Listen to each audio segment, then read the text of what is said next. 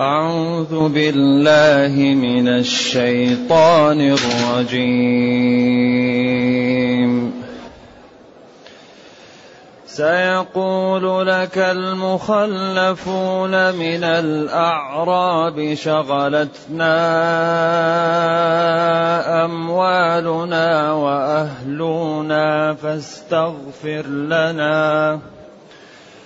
فاستغفر لنا يقولون بألسنتهم ما ليس في قلوبهم. يقولون بألسنتهم ما ليس في قلوبهم. قل فمن يملك لكم من الله شيئا ان اراد بكم ضرا قل فمن يملك لكم من الله شيئا ان اراد بكم ضرا أو اراد بكم نفعا بل كان الله بما تعملون خبيرا.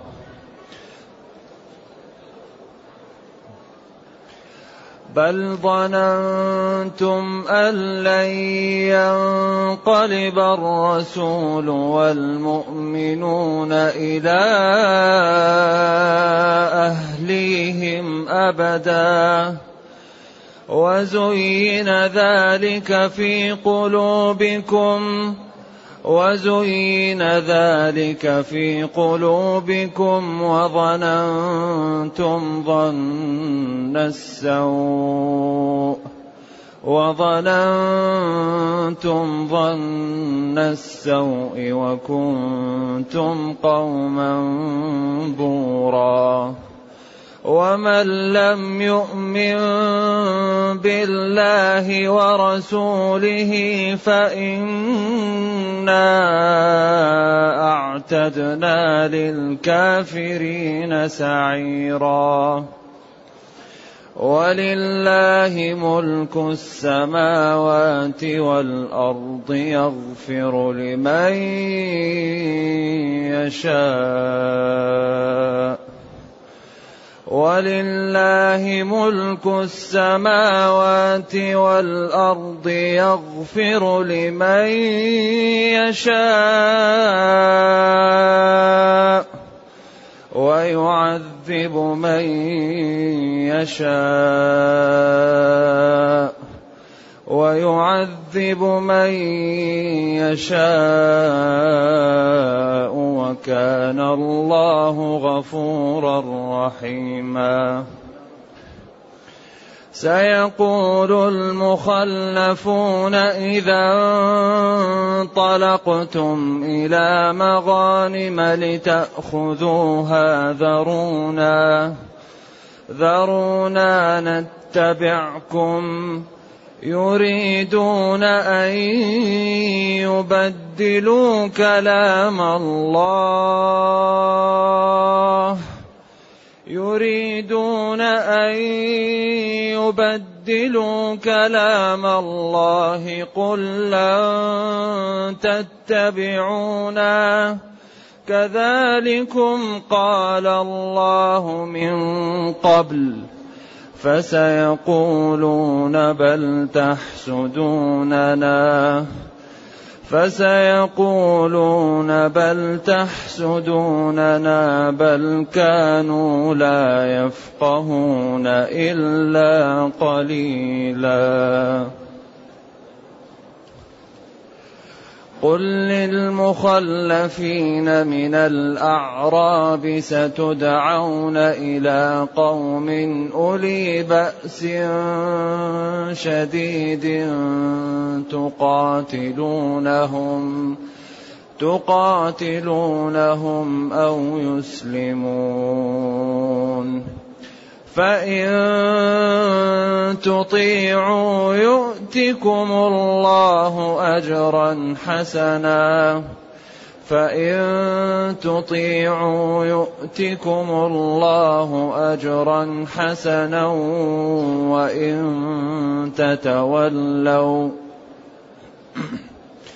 وإن تتولوا كما توليتم من قبل يعذبكم عذابا أليما.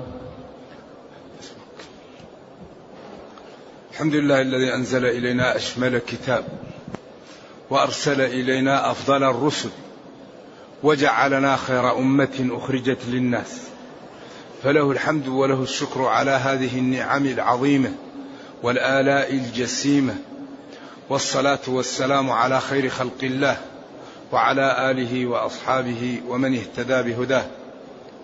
أما بعد فإن الله تعالى يخبر نبيه. فيقول له سيقول لك يا نبي المخلفون من الاعراب الذين أمرهم بالذهاب معه إلى الحديبية. شغلتنا أموالنا وأهلنا. هذا تقدم إشارة إليه في الدرس الماضي. شغلتنا يعني جعلتنا لا نستطيع أن نخرج معك. أموالنا تنميتها تربيتها زيادتها حفظها. أهلنا محبتهم و يعني العمل في مصالحهم ومرضاتهم. شغلتنا أموالنا وأهلنا. بعدين قالوا فاستغفر لنا. القرآن قال يقولون بألسنتهم ما إذا هم كذبة ولكن القرآن غاية في جمال التعبير. لذلك في الغالب تجد أن تعبيرات القرآن قمة. وكيف تأخذونه؟ وقد أفضى بعضكم إلى بعض. أو لامستم النساء. يعني تعبيراته دائما غاية في الحسن والجمال والأدب. ولذلك هنا قال يقولون بألسنتهم ما ليس في قلوبهم. هذا تعبير عن أنهم كذبة. ولكن القرآن دائما يأتي بعبارات غاية في الجمال والبلاغة والحسن. هؤلاء الجماعة بعضهم منافق وبعضهم غير منافق. عنده جهل وعدم علم. يقولون بألسنتهم ما ليس في قلوبهم. بعدين الله خوفهم وهددهم ونبههم. قل فمن يملك لكم من الله شيئا إن أراد بكم إن أراد بكم ضرا أو أراد بكم ضر النار الأسر القتل الاسترقاق الهزيمة. أو أراد بكم نفعا شهادة أو غنيمة. إذا أنتم ينبغي أن تتبعوا شرع الله وتعلموا أنه هو الذي يعطي ويمنع وأن الطريقة التي أنتم فيها طريق خطأ. لأن لا يملك شيء لكم إلا الله والذي يملك لكم هو الذي ينبغي أن تشتغلون له وتطيعونه وتنفذون أوامره وتجتنبون نواهيه. لأن غيره لا يملك. من يملك لكم من الله شيئا؟ إذا أنتم تكذبون على الله وغير الله لا ينفعكم.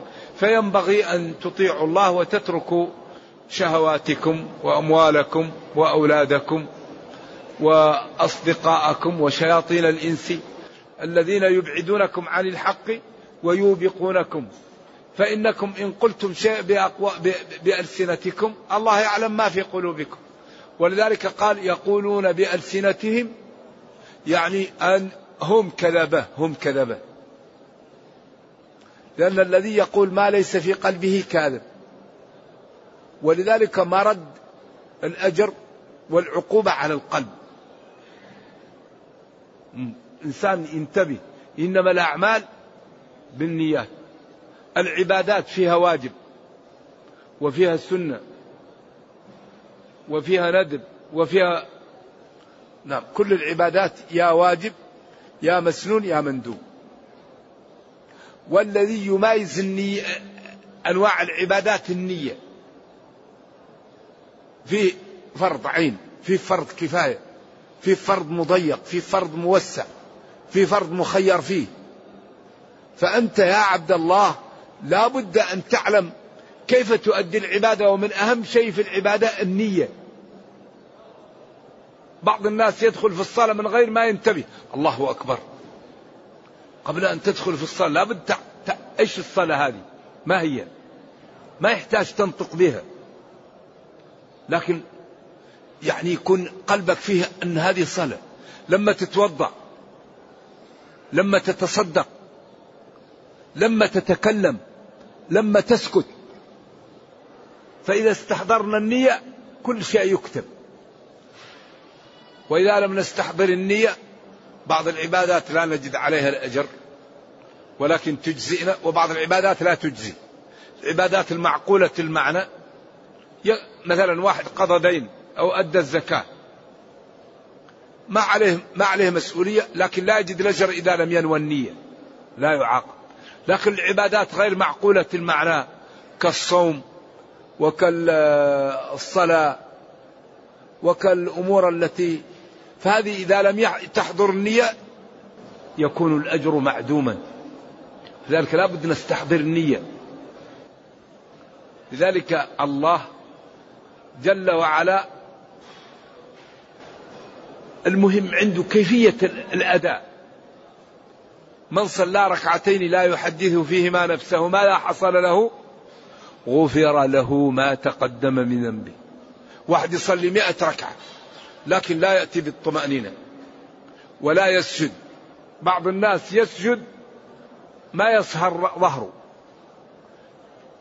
يسجد ويكون ظهره زي اللي عليه سنام هذا ما هو السجود المطلوب. بعض الناس يجلس حتى يكون قريب من الأرض لا. يجعل ظهره منبسط بحيث إذا وضعت عليه إناء سكن الإناء. ويجافي ركبتيه ويمكن ركبتيه ويبعد هذه العضلات لأنه هذا السجود أقوى رياضة وعبادة لله وبينه لنا. فالذي يريد أن يسجد يسجد بالطريقة المشروعة. والذي يريد أن يركع يركع على سبع أعضاء. ويأتي بالطمأنينة ركن عند الجمهور الطمأنينة ركن من أركان الصلاة الذي لا يأتي بها صلاة باطلة. أبو حنيفة رحمة الله عليه قال لأنها غير منضبطة أقل شيء أيوة فلم يقول إنها ركن لأنها ما هي منضبطة.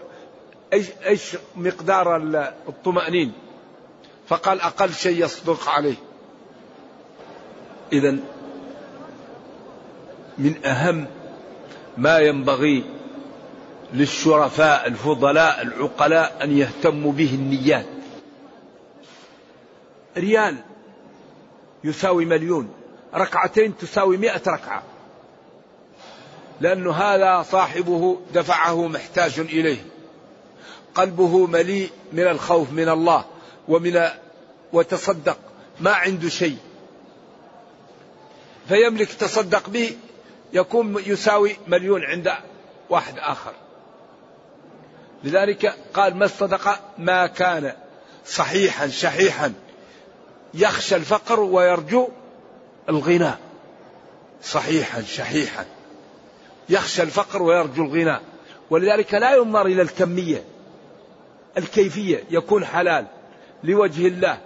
وعلى قدر ما تستطيع. ما, ما هو لازم كثير. الواحد يحاول يتصدق إذا رأى الناس يستحي. لا تصدق بما تقدر الله ينميه لك.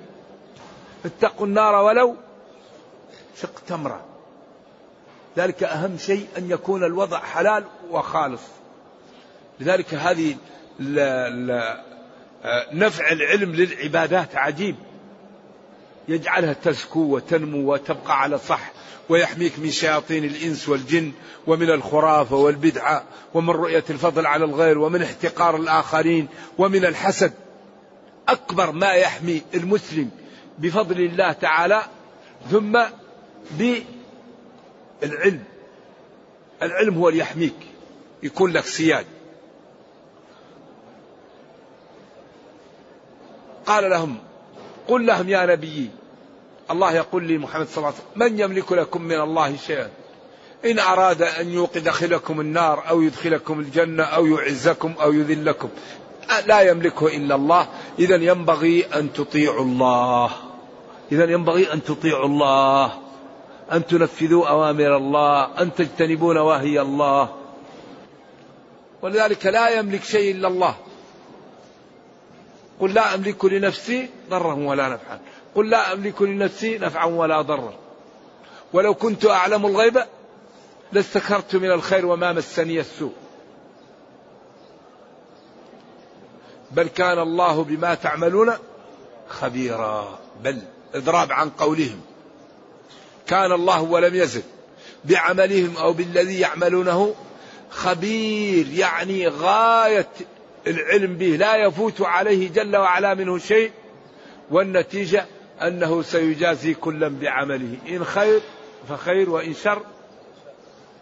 نعم. بل ظننتم أيها المتخلفون أنه لن يرجع الرسول لن ينقلب الرسول والمؤمنون إلى أهلهم ابدا لأنهم ذهبوا إلى عدو شرس قريش. ومعهم الأحابيش وهوازن. الحابيش قبائل مختلفة وثقيف. وساعدهم هؤلاء وعاونوهم وعضد لهم وأنهم سيستأصلون شفة المسلمين ويذهبون إلى بقيتهم في المدينة ويوقعون بهم. بل أنتم منعكم من الخروج معنا أنه لن ينقلب الرسول إلى المدينة والمؤمنون إلى إلى أهلهم أبدا. وزين ذلك في قلوبكم زينه الشيطان وضعف العلم وعدم الفهم.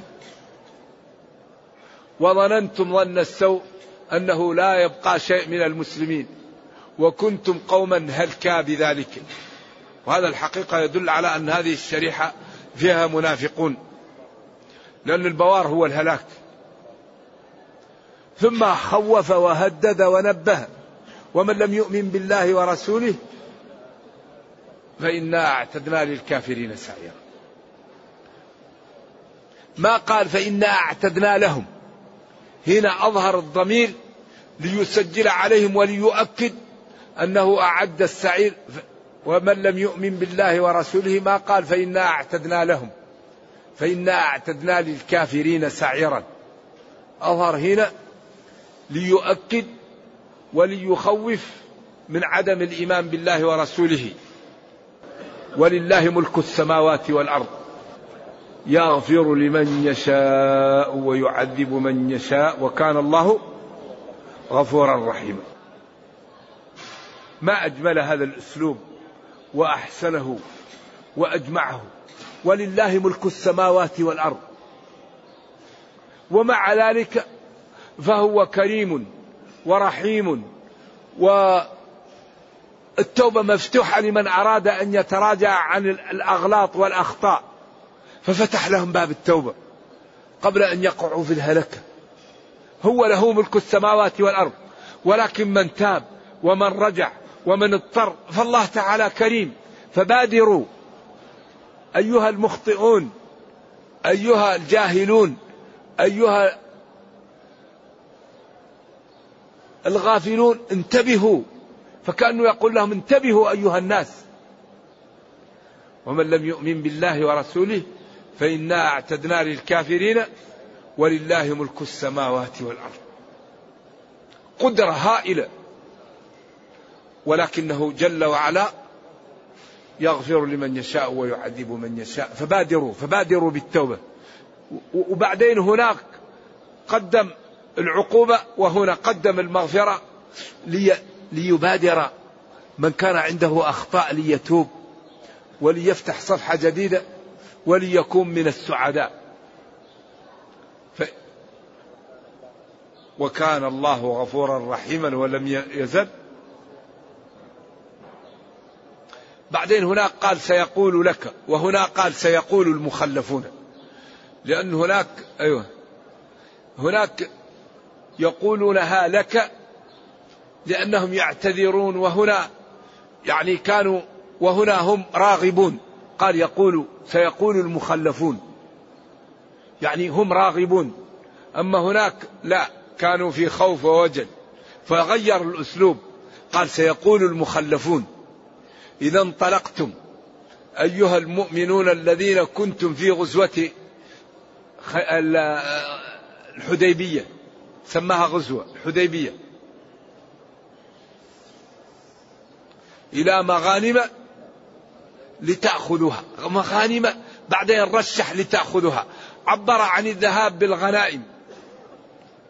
لأن سبب أيوة يعني عبر عن هذا الذهاب بالغنائم لأنهم ذاهبون يأخذون الغنائم. وبعدين رشحها بقوله لتأخذوها.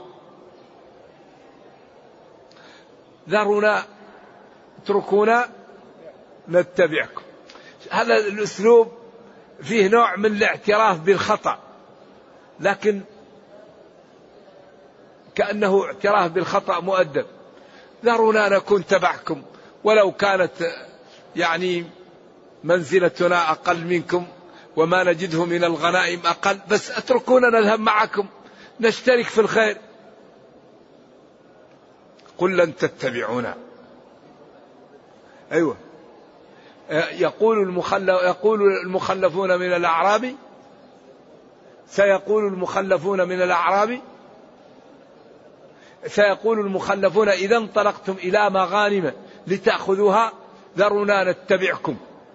يريدون أن يبدلوا كلام الله. لا إله إلا الله ما أبلغ هذا الكلام. يريدون أن يبدلوا كلام الله هو إخباره. أن خيبر خاصة بأهل الحديبية. لا يشاركهم فيها إلا من جاء من هجرة الحبشة. أما الذين كانوا في المدينة ولم يخرجوا لا يجدون لا يجدون شيئا منها.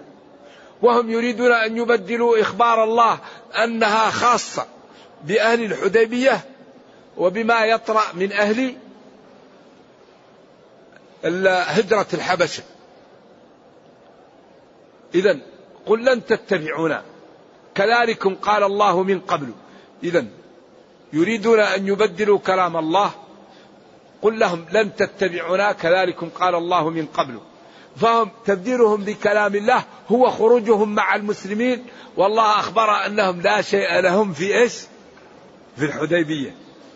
في لا شيء لهم في غزوة خيبر وأنها خاصة بالذين ذهبوا للحديبية وبايعوا تحت الشجرة وضحوا هذا التضحية وتألموا لما حصل من الصلح. فالله كافأهم بذلك وكافأهم بمغانم بعدها وكافأهم بمغانم كثيرة كثيرة بعد ذلك.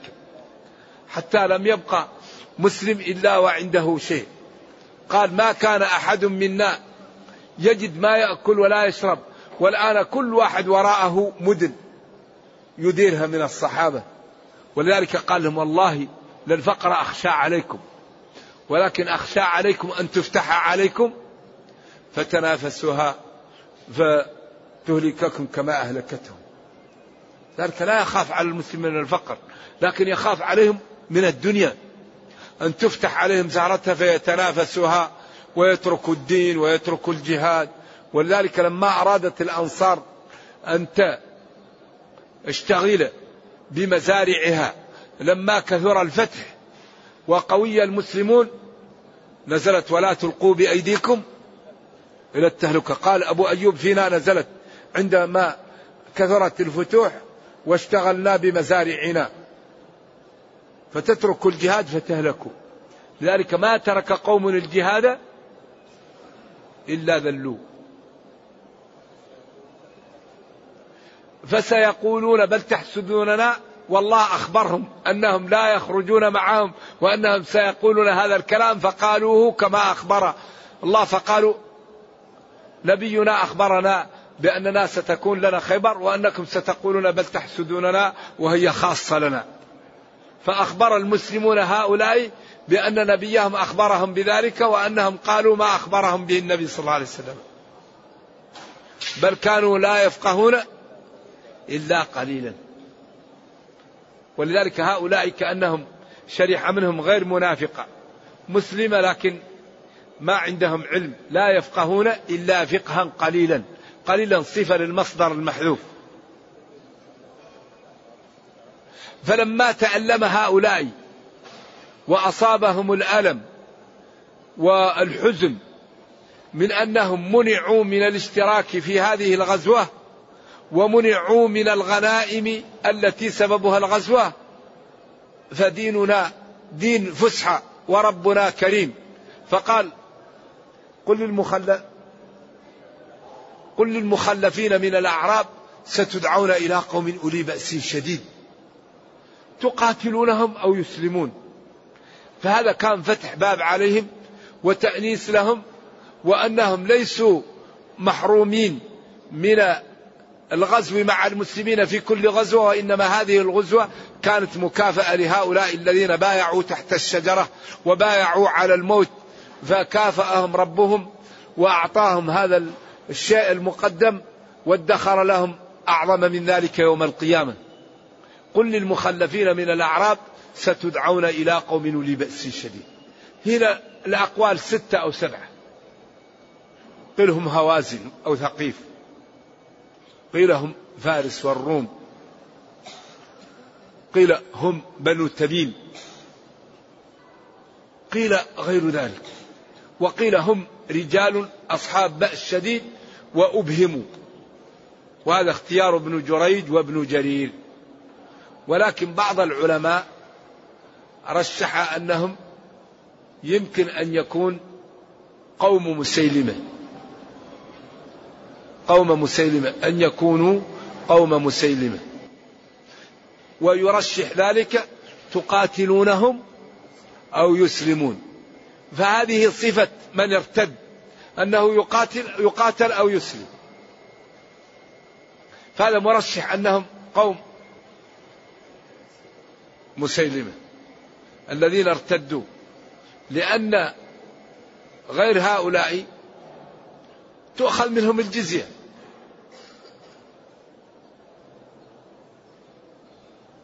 إذا كانوا الروم وفارس تؤخذ منهم الجزية. ولكن قوله تقاتلونهم أو يسلمون أو يكون المقصود يسلمون يستسلمون. أي ينقادون ما يكون مقصود بالإسلام هو دخول الإيمان في القلب وإنما مقصود به الاستسلام والانقياد سواء كان بالإيمان أو بدفع. فيكون هذا يدخل فيه الروم وفارس. إذا الآية متحملة لأن يكونوا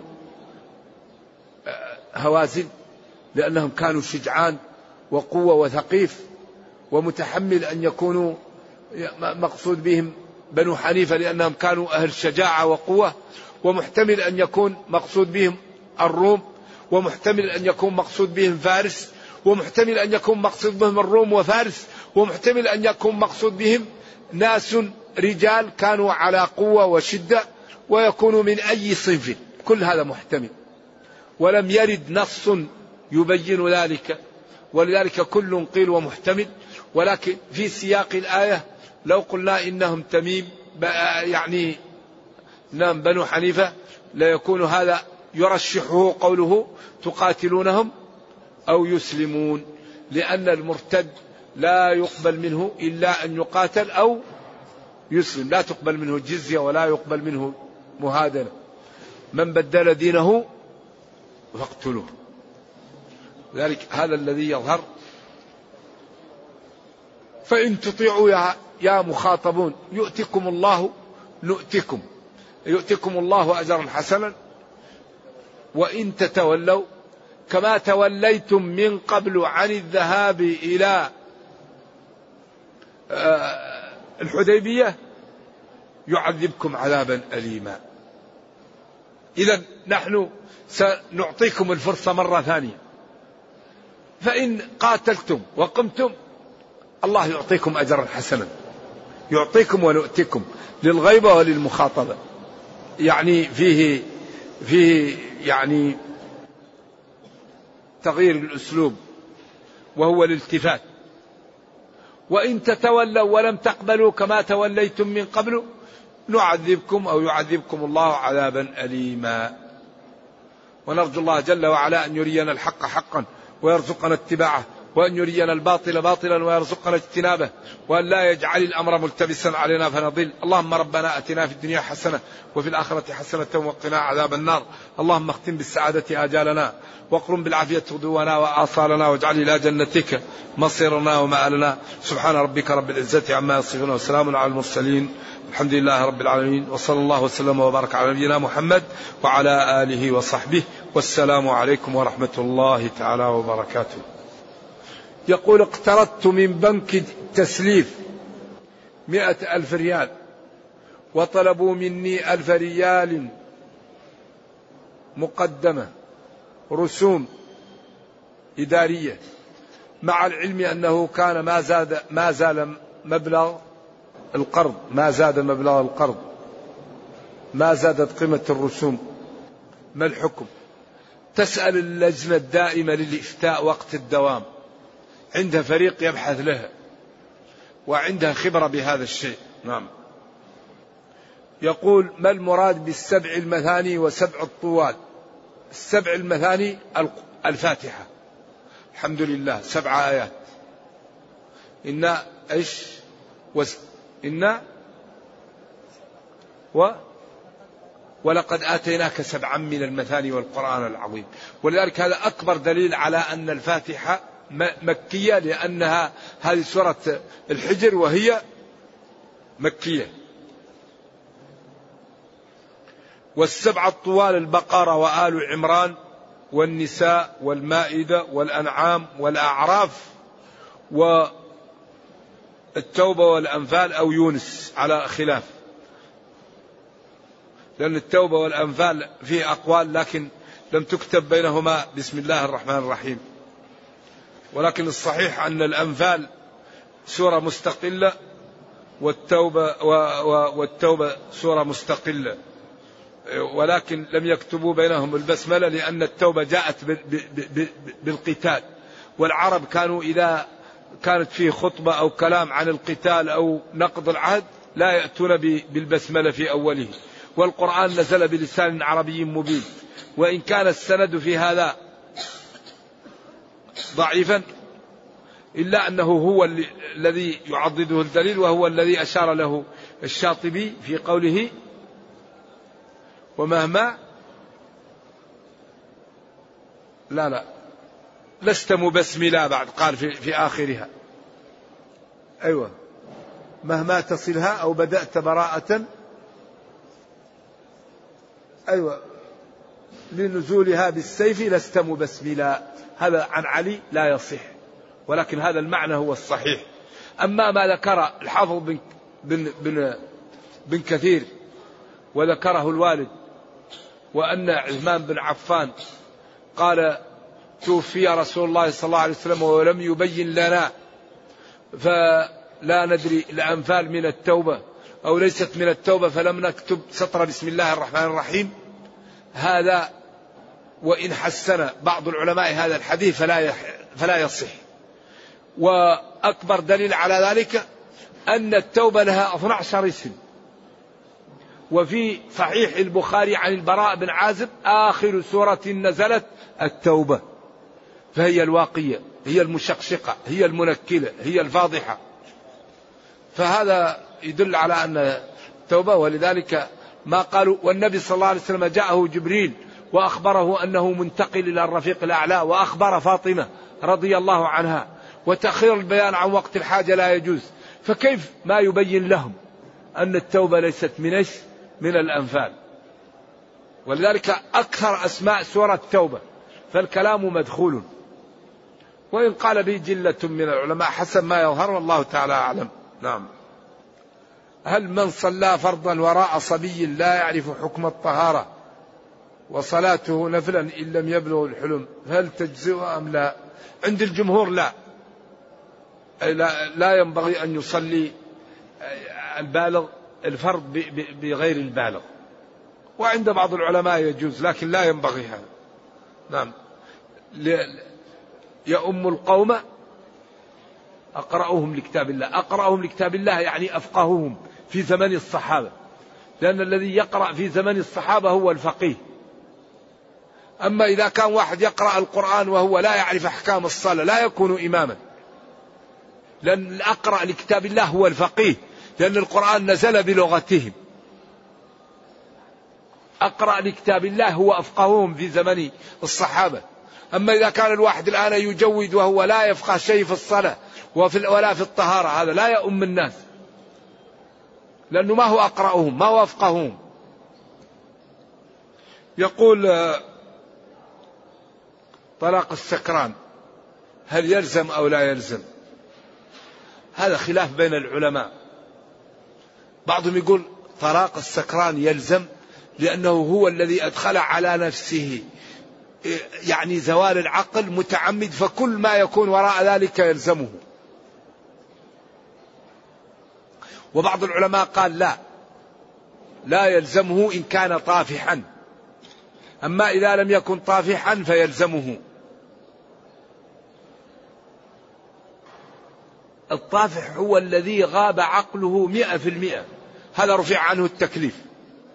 ولكن عليه إثم الشرب ويجلد ويفسق. ولكن إذا غاب عقله مئة في المئة لا يؤاخذ به. وإنما إذا أوخذ يكون من باب المصلحة لأنه هو فقد العقل. يكون من باب التعزير أو المصلحة لكن لكن إذا كان عنده بعض العقل يؤاخذ. وهذا كون أنه يؤاخذ هو قول الجمهور.